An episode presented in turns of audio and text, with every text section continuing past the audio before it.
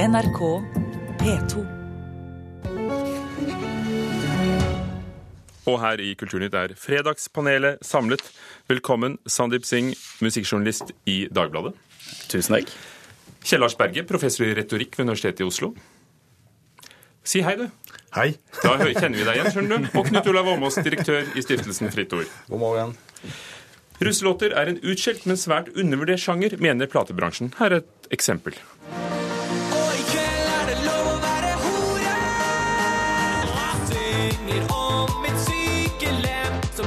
Som reiser seg for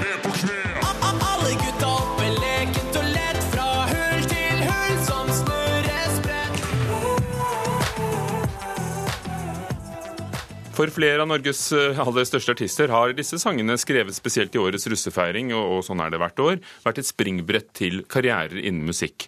Har vi for lite av denne typen musikk, Sandeep? Nei, for lite kan vi ikke si. Eh, Det, er jo, det florerer jo rundt med russemusikk, og ikke bare i russetida lenger. Kjell Lars? Nei, det vil jeg ikke si, men det er veldig hyggelig at noen kan ha suksess med det. Jeg unner alle mennesker med suksess med kulturstoff, altså. Ja, vil jeg svare. Hvorfor ønsker du deg mer av det vi hørte her? Ja, altså Ikke nødvendigvis akkurat det vi hørte her. Eh, Det, det, det er jo en del eh, vulgære tekster og en del enkel musikk. Men eh, musikk er jo alltid blitt skapt på oppdrag, ikke sant? Og, og russetida er en sånn massesituasjon der man også trenger musikk. Altså russ bruker masse penger på utstyr og, og busser. Og, og da, da er det viktig å ikke undervurdere musikken heller. Da må bransjen og enkeltartister dyrke den. Eh, russ fortjener bedre russemusikk også. Så og Det er fascinerende hvordan russemusikken har fungert som eh, profesjonelt springbrett for, eh, for en del eh, fine artister. Som musikkjournalist Sandeep Singh og kritiker, hva, hva er din forklaring? Eh, forklaring på hva?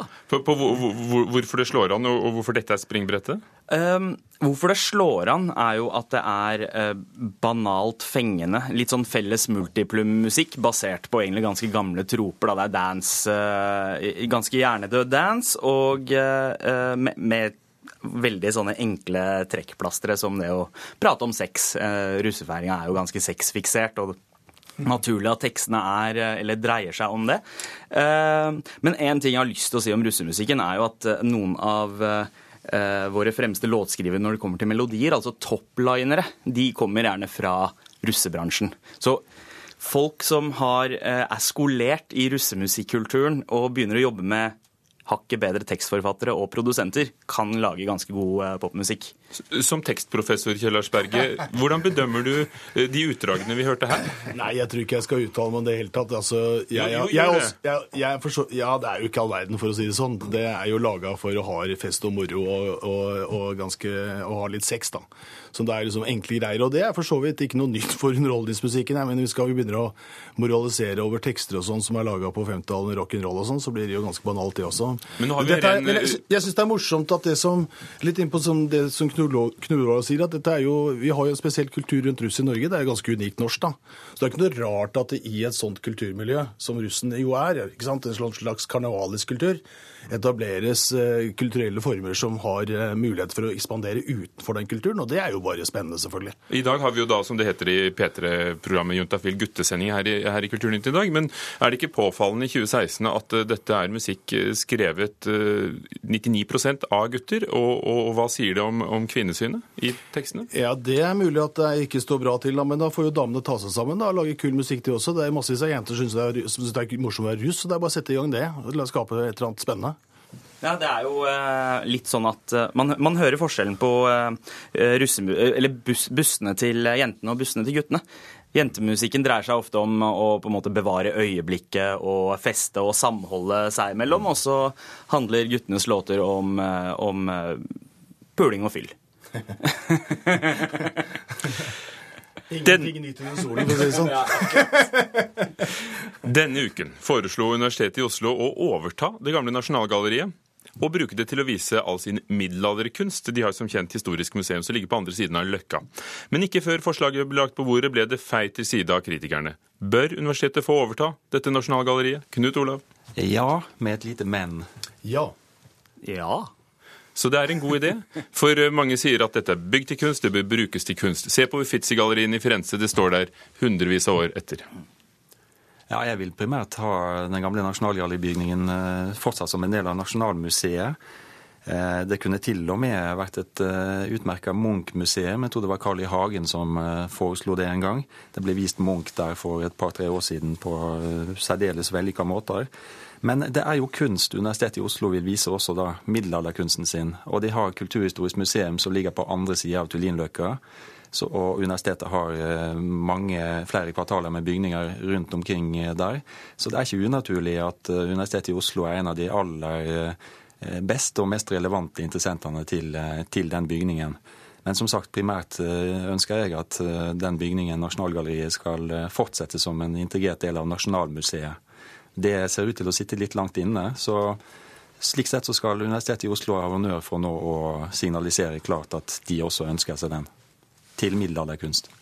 Jeg, jeg syns det er en kjempegod idé. Altså, jeg er jo begeistret eh, tilhenger av eh, det som skjer i Bjørvika nå med de nye museene og ved Vestbanetomta og sånn. Altså, Oslo kommer til å bli en helt annen by når dette er ferdigbygd, og vi kommer til å være kjempestolte av det som presenteres. Det er jo virkelig ille, sånn som mange av kunstsamlingene i Oslo har vært forvalta i mange mange generasjoner, egentlig. Og nå endelig blir det liksom ordentlig, på- ordentlig det som blir presentert. Så jeg syns at det blir liggende Jo. eh, museer eh, strødd rundt i innlandet i Oslo som er praktbygninger som eh, ikke Jo, jo, brukes? altså, det er en veldig god idé, syns jeg, å bruke det gamle Nasjonalgalleriet til eh, noe veldig fint. Og det er å presentere all den middelalderkunsten som det er nesten umulig å få sett i Norge, fordi at den ligger nede i magasiner. Og, det er på høy tid at det kommer fram, altså. Hva er alternativet, liksom? Er det, er det sånn at lord Voldemort eller gud forby Olav Thon står og venter på å ta tak i bygget? Eller eh, Altså, da vil jeg heller at Universitetet i Oslo skal ta det.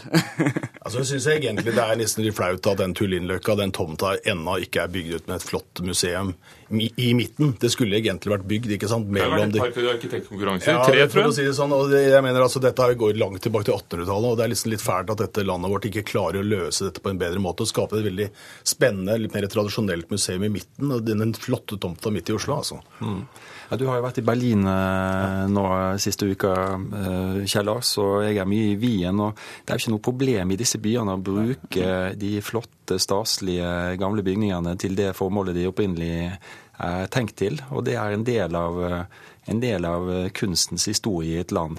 Så eh, som Sandeep sa, det er, det er bare Voldemort som mangler nå i rekka av interessenter her. Knut Olav Åmås, du har jo fulgt kulturlivet i mange år som kulturredaktør, som statssekretær, nå fra stiftelsen Fritt Ord. Tror du de som håper at Nasjonalmuseet kan bruke det til deler av samlingen, vil få gjennomslag? For her har det vært snakk om å bruke det til lesesaler til jusstudentene også. Altså, alt ligger på bordet. Ja, det, Jeg tror ikke det er noe fare for at det blir lesesaler. Det, det blir et museumsformål. Og jeg tror vinden nå blåser i retning av, eh, av, eh, av eh, Nasjonalmuseum eller universitetet. Det, det, blir, det blir billedkunst eller noe i den retning. Det er jeg ganske sikker på. Det tar bare sånn fryktelig med tid når det koster så mye penger. Da, da er politikken seig. Som det alltid gjør i Norge når det gjelder kunst og kultur. Vi går videre. Denne uken kom Michelin-guiden med sin nordiske utgave for i år. Den har utspilt sin rolle, mener matskribent eh, kokk eh, Andreas Vistad. Mens det er bare sutring, sier VGs restaurantanmelder. Hvem har rett når denne kommer? Og det var jo da første restaurant i Norden som fikk tre stjerner, ligger altså i Oslo. Sutring eller utspilt sin rolle? Nei, jeg vil nok eh, jeg, har, ikke noe spes forhold til Michelin, så jeg sier utspill sin rolle. Ja, utspill sin rolle, tror jeg også, som jeg sier. Nei, sutring. Den har vel ikke utspilt sin rolle hvis mange nok kjøper den til at dette går ganske godt og det kommer en ny utgave hvert år, da? Det er to ting jeg syns er snålt her. Det ene er at man driver og konkurrerer om restauranter som det skulle være noen slags olympiske leker. Altså, jeg mener, Mat spiser man fordi det er godt, og fordi man har eh, lyst til å ha det hyggelig sammen. Og gjerne at det er litt kvalitet over det. Nå har jeg vært i Berlin i en uke, og jeg har spist på fantastiske restauranter takket være gode venners tips. Og jeg mener at eh, Michelin Guide er jo egentlig bare gode venners tips, ikke sant? som er bare opphøyet en slags form for bibel. Og det, i det moderne samfunnet vi lever i bokkritikk og filmkritikker heller, da? Du, jeg gjør faktisk ikke det eh, uten videre, nei. Eh, jeg, Du skriver dem bare? jeg skriver dem bare.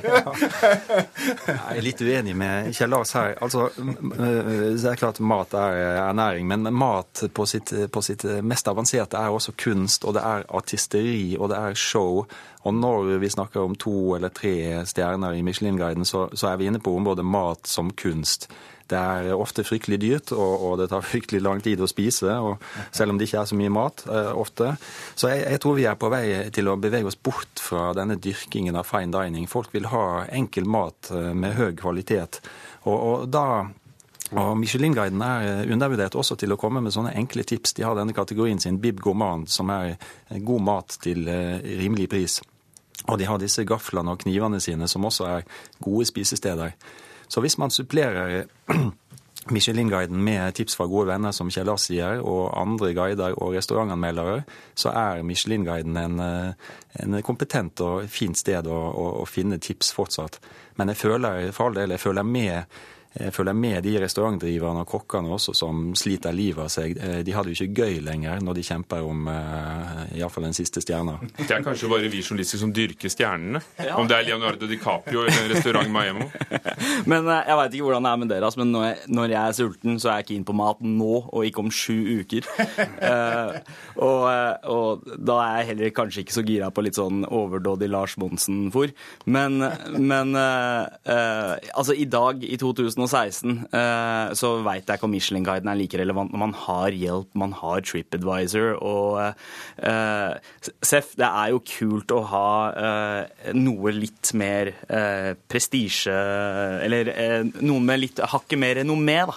Men Men hvorfor skriver du anmeldelser av plater når andre er mener en noen, masse det er fordi nå? noen, en eller annen har ansatt meg til å gjøre det. liksom. Jeg, jeg kunne men, godt eh, ha skrevet i kommentarfeltene, men Ja, men eh, altså, men, eh, altså TripAdvisor er eh, Hver gang jeg bruker TripAdvisor, så, så lurer jeg på om, eh, hvor mye jeg kan stole på den. Eh, Michelin-guiden sine inspektører er kompetente, og mat er kultur, så da må vi ha skikkelige vurderinger ja, men du er jo en voksen fyr. Du kan jo lese, lese hvordan folk formulerer eh, anmeldelsene sine på TripAdvisor også. Det, Det verste ved de stjernene syns jeg er prisen. Jeg tror du Ja. betaler 3000 kroner for et måltid. Takk skal Wow. dere ha. Kjellars Berke, Sander Singh, Knut Olav Åmås. Det var Kulturnytt ved Thomas Alvarstein, OV-produsent, Ugo Fermariello, programleder. Hør flere podkaster på nrk.no podkast.